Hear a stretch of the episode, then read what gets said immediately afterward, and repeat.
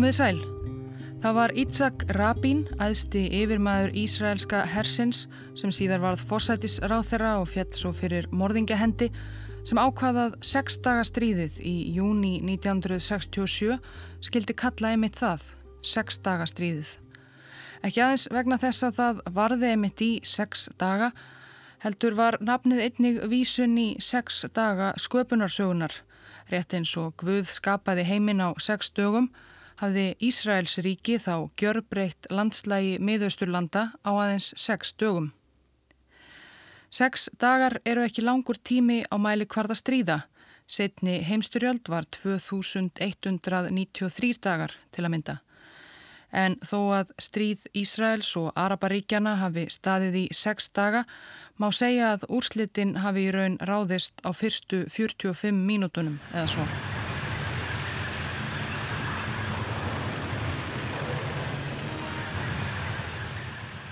5. júni 1967. Kortir í átta að morgni að Ísraelskum tíma tókust nær allar orustu þótur Ísraelska hersins um 180 alls á loft frá herstöðum viðsvegar um Ísrael. Þóturnar, hver einu og einasta, tóku svo stefnuna á grannríki Ísraels til vesturs, Egiptaland. Flestar flugu yfir miðararhafið, aðrar yfir rauðahafið Allar flugu þær láflug til að láta ekki ná sér á ratsjárbúnaði Egipta. Enda urðu Egiptar þótana varðla varir og gáttu lítið að gert þegar þær byrjuðu að varpa sprengjum á skotmörk sín, flugstöð var egipska hersins. Á erfáum mínútum sprengtu Ísraelsku orustuþótunar upp 338 flugvilar og þyrlur nær allan flota egipska flughersins utan fjórar velar sem voru í loftinu þennan mánutasmorgunin um hundrað flugmenn og aðrir hermenn fórust. Árás á landi fylgti svo nær samstundis þegar Egiptar voru enn að ná andanum.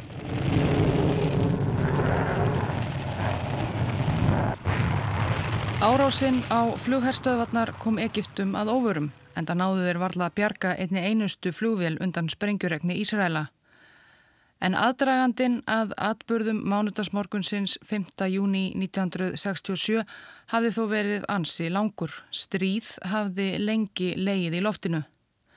Það hafði auðvitað andað ískoldu millir Ísraela og arabískra nágranna þeirra að síðan Ísrael hafði orðið til árið 1948 og eftir stríðið sem Ísraelar háðu þá við sameinaða heri Araparíkjana og sigruðu. Það voru ótal mál enn óleist, ótal palestínskir flótamenn á hrakningum í Jordani og víðar og erfiðar landamæradeilur millir Ísraela og granna þeirra. Og ósigurinn fyrir nýstopnuðu ríki gýðinga hafi verið hinnum stoltu Araparíkjum mikil nýðurlæging sem þeir voru ennað ná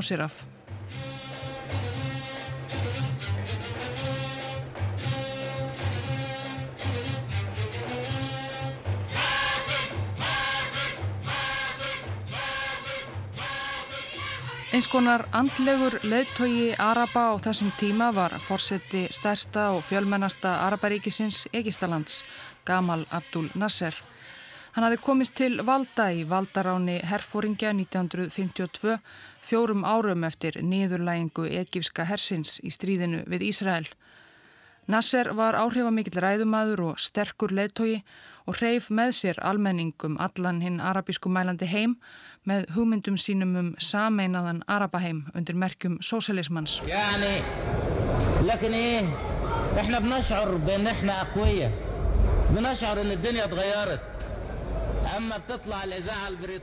Fjórtónda mæ 1967 færði Nikolai Podgorny fórseti Sovjetríkjana Anvar Sadat var að fórseta Egiptalands skýrslu frá leini þjónustu sovjíska hersins. Innihald skýslunar var slíkt að að loknum fundinum með Podgorny settist Sadat varaforseti upp í bíl og brunaði þverti gegnum Kæró höfuborg Egiptalands til Nassers forseta. Forsetin varðað vita af þessu sem allra allra fyrst. Í skýslunni frá sovjetmönnum var stað hæft að Ísraelar væru að sapna herliði við landamæri sínað Sýrlandi og hegðu á innrás á allra allra næstunni. Þetta voru alls ekki ósennilegar fregnir. Spenna millir Ísraels og Sýrlands hafi verið að aukast jamt og þétt undan farin visseri. Löndin deildu um það nákvæmlega hvar landamæri þeirra læju og sírlendingar voru þar að auki farnir að leifa palestínskum skæruleiðum að aðtapna sig að vild þeirra megin landamærana, frælsi sem skæruleiðarnir notuðu til að skipuleggja árásir á Ísrael í síauknum mæli. Þegar hafði komið til nokkura átaka milli sírlenskra og ísraelskra hermanna á landamærunum og því í raun alls ekki ósennilegt að Ísraelar hegðu á frekari aðgerðir gegn sírlendingum. Og þetta var Nasser Egiptalands fórsetta alls ekki óviðkomandi. Egiptaland og Sýrland höfðu á árunum 1958 til 61 verið saman í ríkjabandalagi, sameinaða arabíska liðveldinu. Það varð skamlíft en samband ríkjana tveggja var þó enn náið. Meðal annars hafðu þau gert með sér varnarsamning ári áður 1966. Ef að ráðist væri á annað ríkið, yrði hitt að koma því til aðstóðar. En þrátt fyrir það hafði Nassir, þessi mikli leittói Arabaheimsins, haldið að sér höndum hinga til á meðan spennan milli Sýrlands, bandamanna hans og Ísraels höfuð óvinnarins hafði aukist jæmt og þétt. Ef Ísraelar hegðu virkilega á innrás í Sýrland, yrði Nasser því að grípa til einhverja aðgerða sem bandamaður sírlendinga og sem leðtogi Araba. Nasser bar skýsluna frá sovjetmönnum undir herfóríkja sína. Þeir sögðu að það væri lítið hæft í henni, fátt bendi til þess að Ísraelsk innrás á Sýrland væri yfirvóandi eða Ísraelar hefðu meiri viðbúnað en venjulega við landamæri sína Sýrlandi. En einhvað síður ákvað Nasser að hann yrði eitthvað að gera. Hann ákvað að senda hermenn austur á Sínæskagan að landamærum Egiptalands og Ísrael. Að minnstakosti til að sína Ísraelum að þeir reyndu eitthvað þá væru Egiptar í viðbræðstöðu.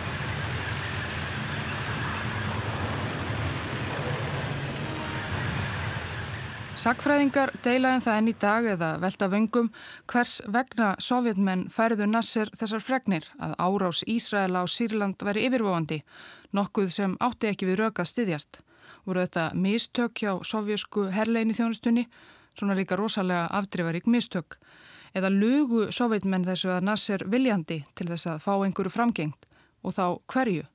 Míðausturlönd voru auðvitað enneitt vígvöllur kaldastriðsins eins og svo margir heimslutar á þessum tíma og löndin fyrir botni miðjararhafs skipuðu sér í flokka.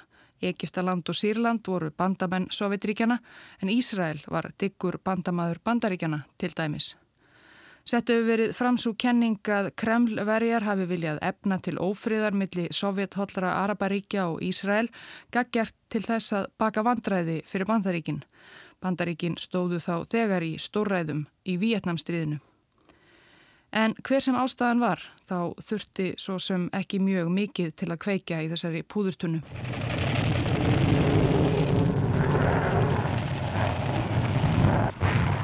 Hersöðingjar Egipska hersins fullviðsuðu Nasser fórsetta um það að herin veri vel til þess búin að hrinda Ísraelskri árás ef til hennar kemi. Það var reyndar nokkuð ofmatt eins og átti eftir að koma bersýnilega í ljós strax á fyrstu mínútum stríðsins og hefði svo sem átti að vera hersöðingunum fyllilega ljóst. Undanfærin ár hafðu 2000 egifskra hermanna barist í langri og líjandi borgarastyrjöld lengst í burtu í norður Jemen þar sem Nasser stutti líðveldi sinna gegn konungssinnum sem nutustuðnings breyta meðal annars um það mannskeiða stríð sem kallað hefur verið Vietnam-Egiptalands hefur áður verið fjallað um í, í ljósi sögunar í öðrum þætti af tveimurum sögu Jemens. En sum sé, stríðsregsturinn í Jemen gerði það verkum að kalla þörfti út varalið egifska hersins til að mæta Ísraelsku ógninni. Varaliðið var að stórum hluta kvotbændur úr söður hluta Egistalands, menn sem hafðu hlutið einhverja herþjálfun einhver tíman en hún var þeim kannski ekki endilega í fersku minni. En þeir voru eldheitir stuðningsmenn fórsetta síns, Nassers, sem sótti stuðningssinn einmeitað miklu leiti til fátækra í sveitum Egistalands. Á tveimur sólarhingum eftir að Nasser gaf loka skipunum að flytja herabla og sína í skagan Marsiruðu þangað þrjár heilar herdeldir, allsum 45.000 hermenn, sumir þeirra um borði 300 skriðdregum og 450 brinnvörðum farartækjum af öðru tægi. Myndir af þessum miklu liðsflutningum voru síndar í egifsku sjónvarpi og um allan Arabaheimin og þetta var tilkomið mikið sjónvarp.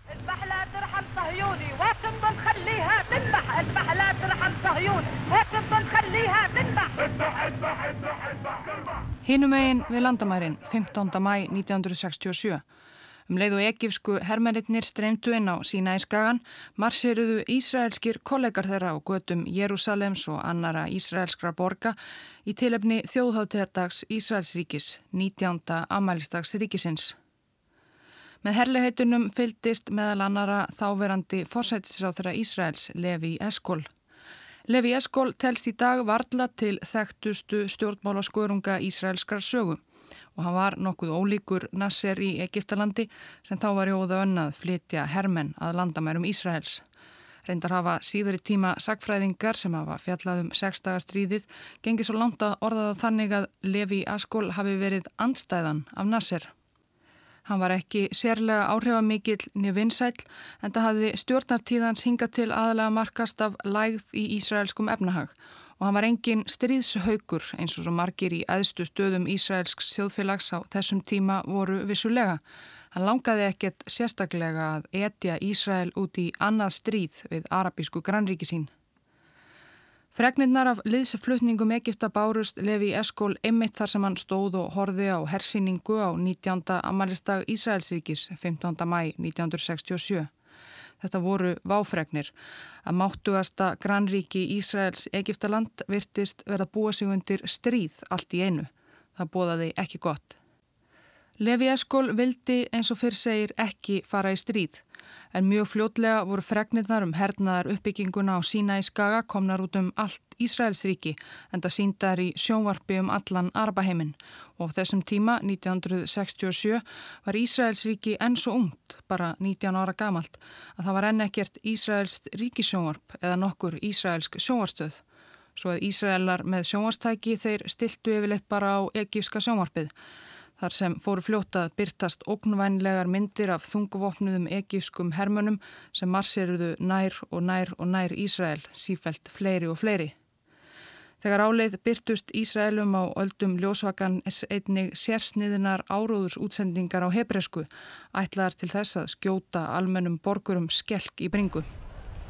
Nasir, Nasir, anahnu ahariha, nashmid etchem, nesrof etchem, Nasser, Nasser, við fylgjum þér, við drepum þá, við brennum þá, við miljum þá neyri duft.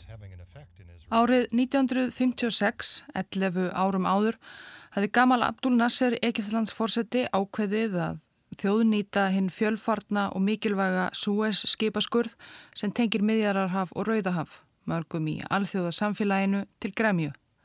Úrvarð Suez-deilan sem endaði með því að Ísrael, Breitland og Frakland réðust inn í Egiptaland en hörfuðu svo reyndar þaðan aftur að lokum sem varð bara til þess að styrkja stöðu Nassers fórsetta á alþjóða vettvangi og auka hróður hans sér í lagi í Arabaheiminum.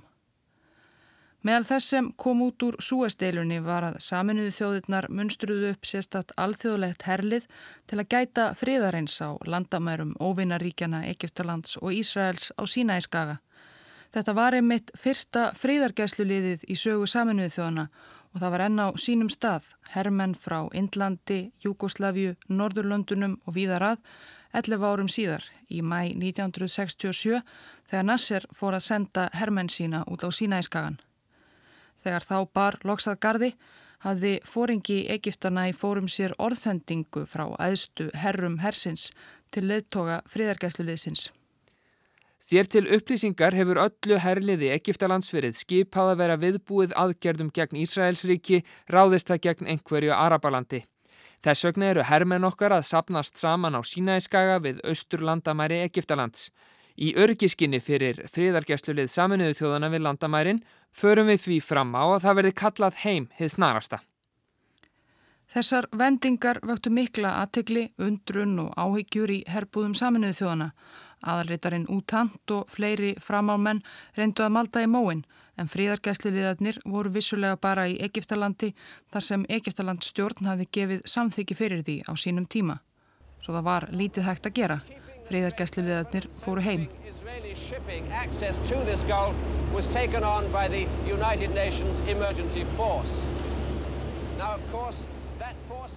Þrettán kílometra breytt sund skilur að Suðurotta Sínæskagans og Arabíuskaga, Sáti Arabíu, svo nefnt Týransund sem tengir Akabaflóa og Rauðahafið. Sundið var og er Ísraelum mikilvægt þeirra eina leiðað Rauðahafinu og þessum tíma fórunær allir óljuflutningar til Ísraels í gegnum Týransund. Eftir súesteiluna um áratug áður hafðu Ísraelar lísti yfir að ef Egiptar myndu dirfast að loka Týransundi fyrir Ísraelskri skipaumferð myndu þeir líta á það sem stríðsifirlýsingu. Meðal verkefna friðargæslulega saminuðu þjóðana á Sínæskaga var einmitt að tryggja að umferðum sundið færi eðlilega fram. En þegar þeir voru á bak og burt var það einmitt það sem Nasser gerði næst, þann 22. mæ 1967. Hann tilkynnti að engin Ísraelsk skip eða skip með varning ætlaðan Ísraelsríki fengju að fara um Týransund. Israel's port city of Elath, one of the Middle East hottest spots, following a blockade of the Gulf of Aqaba by the United Arab Republic. Það var farið að líða á mæmánuð 1967. Deilanum Týransund og hernaðar uppbyggingin Egiptalands megin hafði ekki farið fram hjá neinum Ísraela. Ísraelar höfðu svarað í sömu mynd. Bissunar voru myndaðar við landamæri Egiptalands og öllu varaliði Ísraelska hersins skipað að vera í viðbráðstöðu. Það var ekkert grín. Herskilda var og er í Ísrael og að henni lokinni tilheyra allir einhvers konar varaliði. Þetta þýtti því raun að allir ísraelskir karlmenn undir 50 ára aldri voru kvattir aftur í herin. Ísraelser var þess fullvisum að ef til stríðskæmi geti hann sigrað her Egiptalands og her hinna Araparíkjana, Sýrlands, Jórdaníu og svo framvegis öruglega. Ísraelski herin var fámennari en miklu betur vopnum búin og betur þjálfaður en sá egipski. En til öryggis var fólk hvað til að gefa blóð og farið var að leggja drauga því hvernig hægt væri að breyta almenningsskörðum í ísraelskum borgum að gravreitum ef mannfallið erði mjög mikill taka grafir og fá rappina til að blessa gardana. Almennir borgarar söpnuðu vistum. Ísraelst þjóðfélag var fljótt undirlagt af stríðsundirbúningi og óta.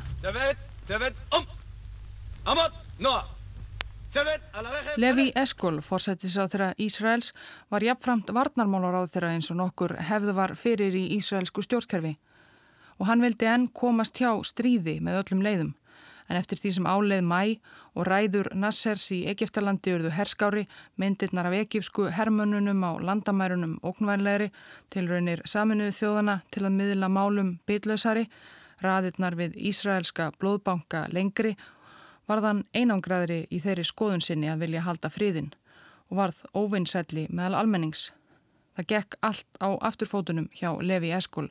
Þegar hann ávarpaði þjóð sína, hyggstaði hann og mismælti sig svo að fólk misti alla trú á honum. Innan ríkistjórnar hans voru þeir sem töluðu sífelt herra um að binda enda á þetta ástand með því að ráðast á Egiptarna við landamærin, sífelt háværari. Ísraelski herin sjálfur með yfir hersöðingjan Ítzak Rabin í broti fylkingar talaði líka fyrir þeirri laust.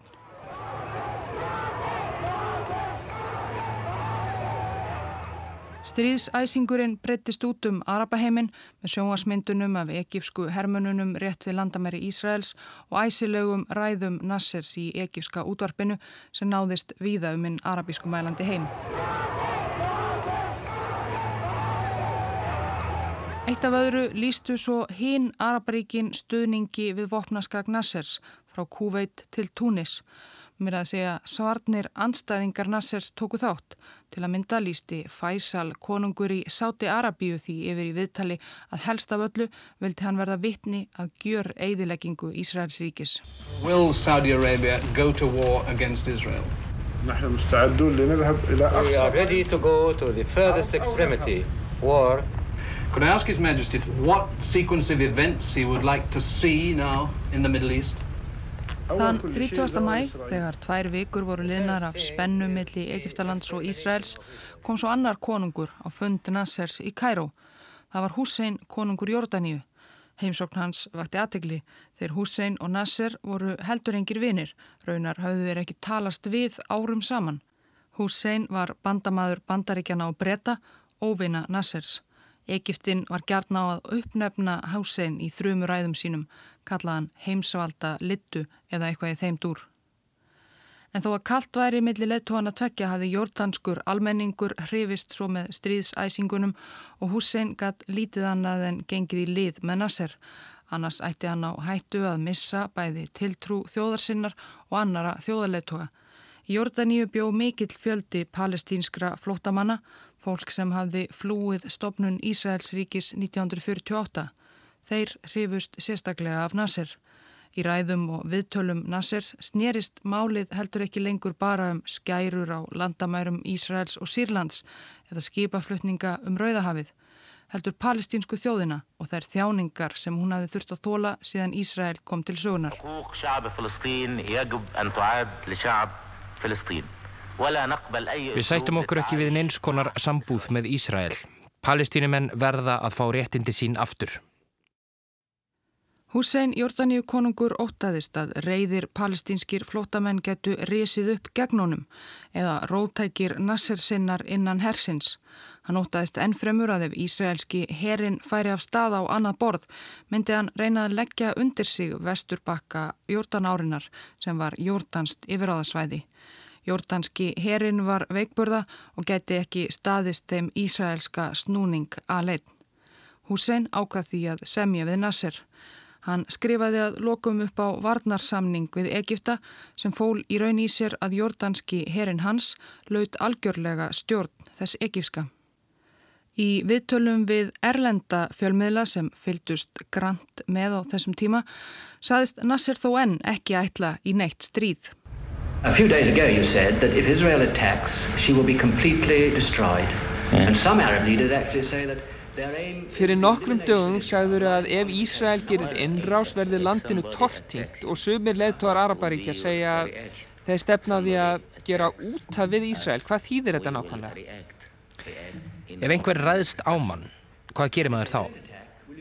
Ef einhver ræðst á okkur, bregðumst við við og í stríði þá þýðir það tortíming. Og ef Ísraelar ráðast ekki á ykkur, ætlið þá láta þið friði? Já, Þá látum við þá í friði, en við höfum engin áform um að ráðast á Ísrael. Þetta var þó ekki til þess að róa Ísraela. Almenningur ókyrðist, undirbúningur undir mögulegt stríð helt áfram, en Levi Eskól fórsættisráð þeirra hikaði enn og vildi enn komast hjá stríði með öllum leiðum. Hans helsti bandamaður Lyndon B. Johnson, bandaríkjafórsætti, tók undir og hvati Eskól til að halda þessir höndum. Ísrael ætti ekki eiga frumkvæðið að stríði sama hvað. Svo Levi Eskól beigð átækta. En herfóringar í Ísraels herr voru ekki jafn þólinnmóðir. Þeir sögðust tilbúinir að mæta Arabum og þrýstu á Eskól að gefa þeim grænt ljós. Fjölmiðlar og stór hluti almennings voru orðin sama sinnis. Dagblöðin hættust að Eskól sem síndur var sem raggeitt og í fjöldafundum í Ísraelskum borgum og bæjum kröðust mótmælendur því að hann færi frá. Hún var líkt við leðtúa gýðinga í Evrópu á árunum fyrir setnastríð, þá sem börðust ekki á móti þegar nazista barað gardi heldur gáfust upp. Allur stríðsviðbúnaðurinn var þarna við það að lama Ísraelska hagkerfið þar sem allir karlmenn undir 50 ára aldri voru í viðbaraðstöðu og byðu eftir árás Egipta sem aldrei kom.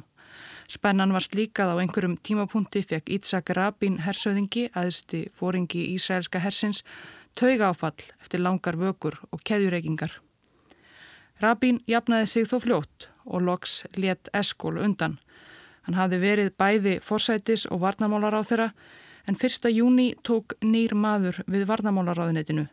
Það var maður sem var öllum Ísraelum kunnur fyrir frækilega framistöðu í sjálfstæðistríðinu 48 og súesteilunni fyrir áratug. Einegði hersöðingin Moshe Dayan. Well, they have plenty of tanks and troops and everything, too much, too many, and uh, we have much less than they have. Dajan var áhrifamikill og með hann í brotti fylkingar náðu stríðshaukarnir fljótt tökum á ríkistjórn Eskóls. Fjórum dögum síðar hófst stríðið með óvæntri árás Ísraelshers á fljóvelaflota Egipta. Leiftur árásinni á Egipta fylgdu svipaðar árásir á flugherri Sýrlands og Jórdaníu og niðurstöðunar urðu þar þær sömu, gjör eðilegging. Á fyrstu stundum stríðsins tókst Ísraelum að lama flugheri anstæðinga sinna gjörsamlega og gáttu því ráðist á þá á landi líka án þess að óttast árásir úr lofti.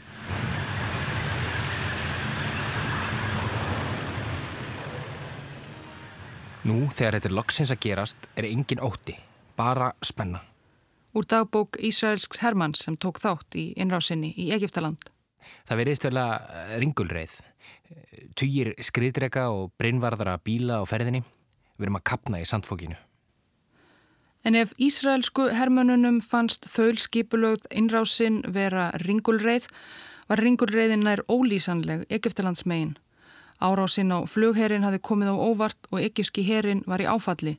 Þegar skriðdrekar Ísraelska hersins byrtus og skömmu síðar vissu egypsku hermennir ekki hvað er þetta að gera, hvorki óbreyttir hermenn nýja fóringjar þeirra. Fóringjar okkar höfðu ekki eins og tíma til þess að skipa okkur að koma okkur fyrir. Þetta gerðist alls svo hratt. Allt í einu sáum við að hermennir okkar hörfuðu. Engin sað okkur hvað væri í gangi svo við hörfuðum bara líka. Ísraels er valtaði yfir Egiptana á Sínæskaga og mannfallið var fljóttu mikill. En fólk heima í Kæró og aðrir hlustendur egipska útvarsins fréttu það ekki. Strax frá byrjun og alla sex daga stríðsins útvarpaði það einungis áróðri og falsfregnum af fræknum sigurum Egipta á Ísraelskum óvinnum. Sankvæmt útvarpinu skutu Egiptar niður hverja Ísraelska orustuþótuna á fætur annari. Þetta gekk allt svo vel, saði útvarpið, að einhverjir almennir Egiptar fóru vist að leggja drögað heimsóknum til Egipskrar Tel Aviv í náinni framtíð. Ísrael hliti að falla. Svipað var uppi á teiningunum í fjölmiðlum Sýrlands og Jórdaníu en Ísraelska útvarpið valdi þessi stað að þeia, sagði sem minnst af óta við að gefa upp viðkvæmar upplýsingar svo að óttastlegin almenningur í Ísrael frétti ekki af því hversu vel þeirra mönnum gekk í raun. Að kvöldi 5. júni, fyrsta dagstriðsins, var öllum þeim Egiptum sem fengu raunverulegar fregnir frá výlínunni ljóst að staða egipska hersins var hörmuleg og stríðið var svo gott sem þegar tapað. Anvar Sadat var að fórseti Nassers sáir hafiði fært honum falska fregn sovjetmanna af yfirvofandi ísraelskri innrás í Sýrland Hann myndist þess síðar að síðla kvöldið 5. júni hafi hann farið í göngutúrum götur Kæró til að róa tögarnar, harmþrungin eftir erfiðan dag. Þá hafi mætt honum heil skrúðganga af æstum stuðningsmönnum Nasses fórsetta sem fögnuðu frækilegum sigurum egífska hersins gegn Ísraelum. Bardagar heldu áfram næstu daga. Ísraelar lögðu undir sig hluta af Egiptalandi og Sýrlandi. Mitt í sprengjuregninu og blóðsúttællingunum reyndu forsvarsmenn Ísraels ríkis svo að tala Húsein Jórdaníu konung á það að skipta sér ekki meira af málum, blanda sér ekki í stríðið með Egiptum og sírlendingum, það myndi bara hafa vofauðlegar afleðingar. En Húsein var þá búinn að gera puksinn. Allavega hafði hann falið stjórn jórdanska hersins í hendur Egiptum svo það var lítið hægt að gera úr þessum. Um miðjan dag 7. júni á þriðja degi stríðsins höfðu bardagar svo borist til Jérúsalem.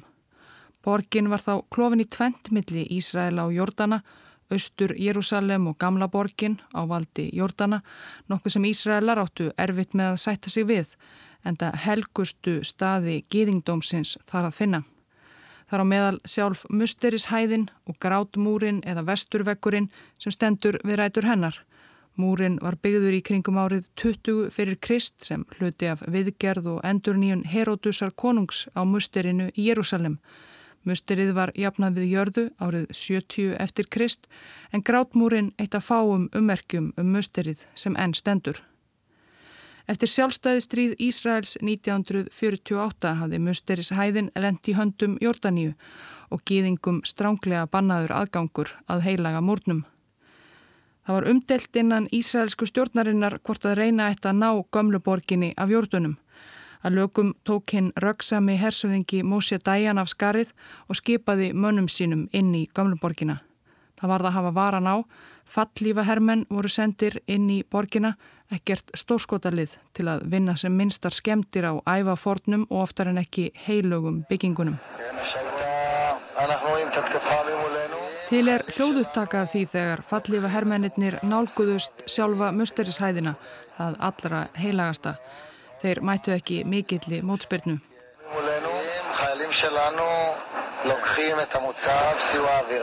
Við erum að taka okkur stöðu, von bráðar verður Jérúsalem okkar.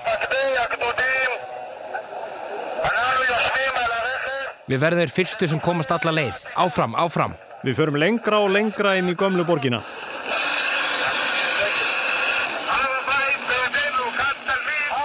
Musterishæðin er okkar. Heyrið það, Musterishæðin er okkar. Ánefa frægasta frettamynd sextaga stríðsins eftir ísraelska ljósmyndaran David Rúbinger var tekin skömmu eftir þetta.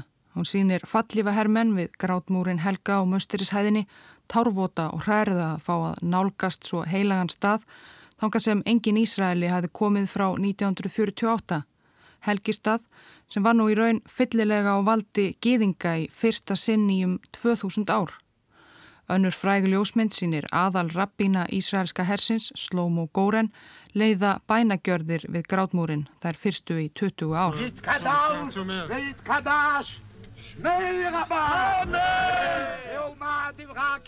Þetta var magtþrungin stund fyrir þá sem fylgdust með, eins og þessi ísraelski hermaður lísti síðar. Mér fannst eins og þannig Jérúsalem væri verið að opimbera innri sannleika þjóðar okkar, gýðinga. Þetta var kraftaverk því að sannleikur biblíunar og sannleikur lífsins runnu saman í eitt. Það var eins og rafströymur færi beint í gegnum Ísraelsku þjóðina. Sem betur fer urðu ekki mikla skemdir á fornum byggingum gömlu Jérúsalem í stríðinu. En skömmu eftir stríð var reyndar hið aldagamla marokkóska hverfi í nágrenni grátmúrsins jafnað algjörlega við jörðu til þess að nóg pláss væri fyrir hérna trúuðu við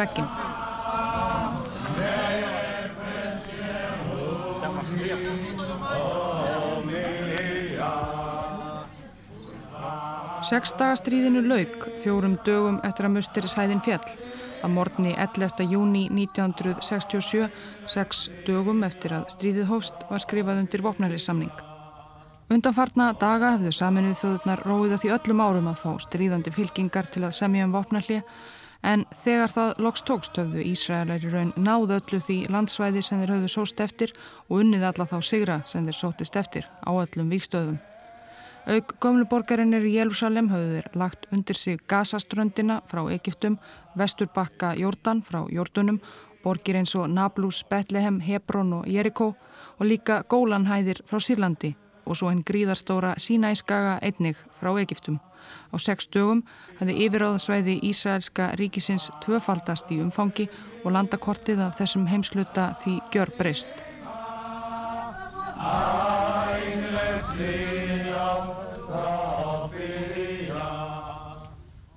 Það varð ekki eins mikið mannfall og ísraelskir borgarar höfðu óttast þegar þeir fóru í aðdraganda styrðisins að taka grafir í almenningskörðum. Vissulega fjallu þó eitthvað um 800 til 1000 ísraelskir hermenn og 15.000 særðust. Mannfallið í herjum Araba var þó miklu meira. Á bylunu 10 til 15.000 ekifskir hermenn fjallu á þessum 6 dögum, 1000 til 2000 sírlendingar og um 6.000 jordanskir hermenn. Hussein Jordaníu konungur lísti ósigrinum svona að morgni 11. júni. The battle was waged against us Stríðið var háð gegn okkur fyrst og fremst úr lofti af yfir þyrmandi styrk, stöðugar, látlausar loftárásir á hverja einustu herdild, hvern einasta flokki í hersveitum okkar, nótt sem nýtan dag, allt þar til í gerkvöld.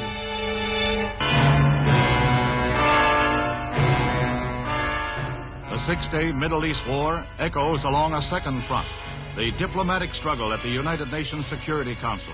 Eins og heyra má fréttaþulinn byrja að segja frá í þessari fréttamind frá 13. júni 67, tveimur dögum eftir stríðslokk, var ansimart óútkljáð í lok stríðsins og enn harðar deilur millir Ísraela og Araparíkjana á vettvangi saminuðu þjóðana.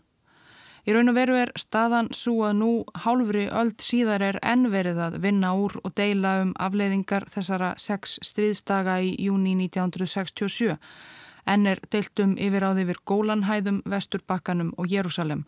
Sínæskægin var í höndum Ísraela til ásins 1982, Gazaströndin allt fram til 2005 og Vesturbakkin enn. Eftir stríðið hrögtust næri hálf miljón palestinumanna frá heimilum sínum og herrtöknu svæðunum. Stríðið var til þess að ebla ansbyrnu palestinumanna gegn Ísrael og árunum eftir stríð fættust ótal vopnaðar reyfingar palestinumanna sem reyndu að ná landinu sínu aftur með valdi.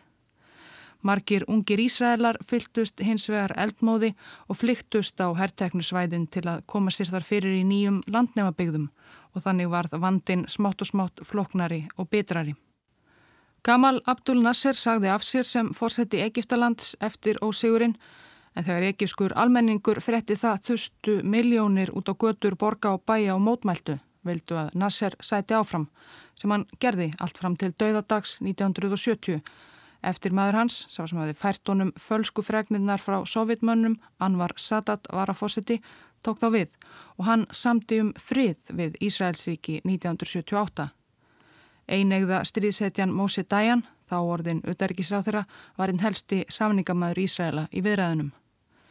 Fríðarsamningurinn fól í sér að sína í skæin komst aftur á vald Egiptalands en samningurinn var afar umdeltur heima fyrir í Egiptalandi og víðar. Sadat fekk að launum friðarverðun Nobels á samt Menachem Begin fórsættisráþra Ísraels en var svo ráðin af dögum í oktober 1981. Eftir stríðið fór Levi Eskol, 71 ás að missa helsu en satt í ennbætti til döðadags í februar 1969. Ísraelar og palestínumenn eru svo auðvitað ennað súpa segðið af þessum sex dögum í júni 1967 allur Arabaheimurinn sumuleiðis og heimsbyðin öll. Jabarlin alil wa bakosunaubar yahmilu nasim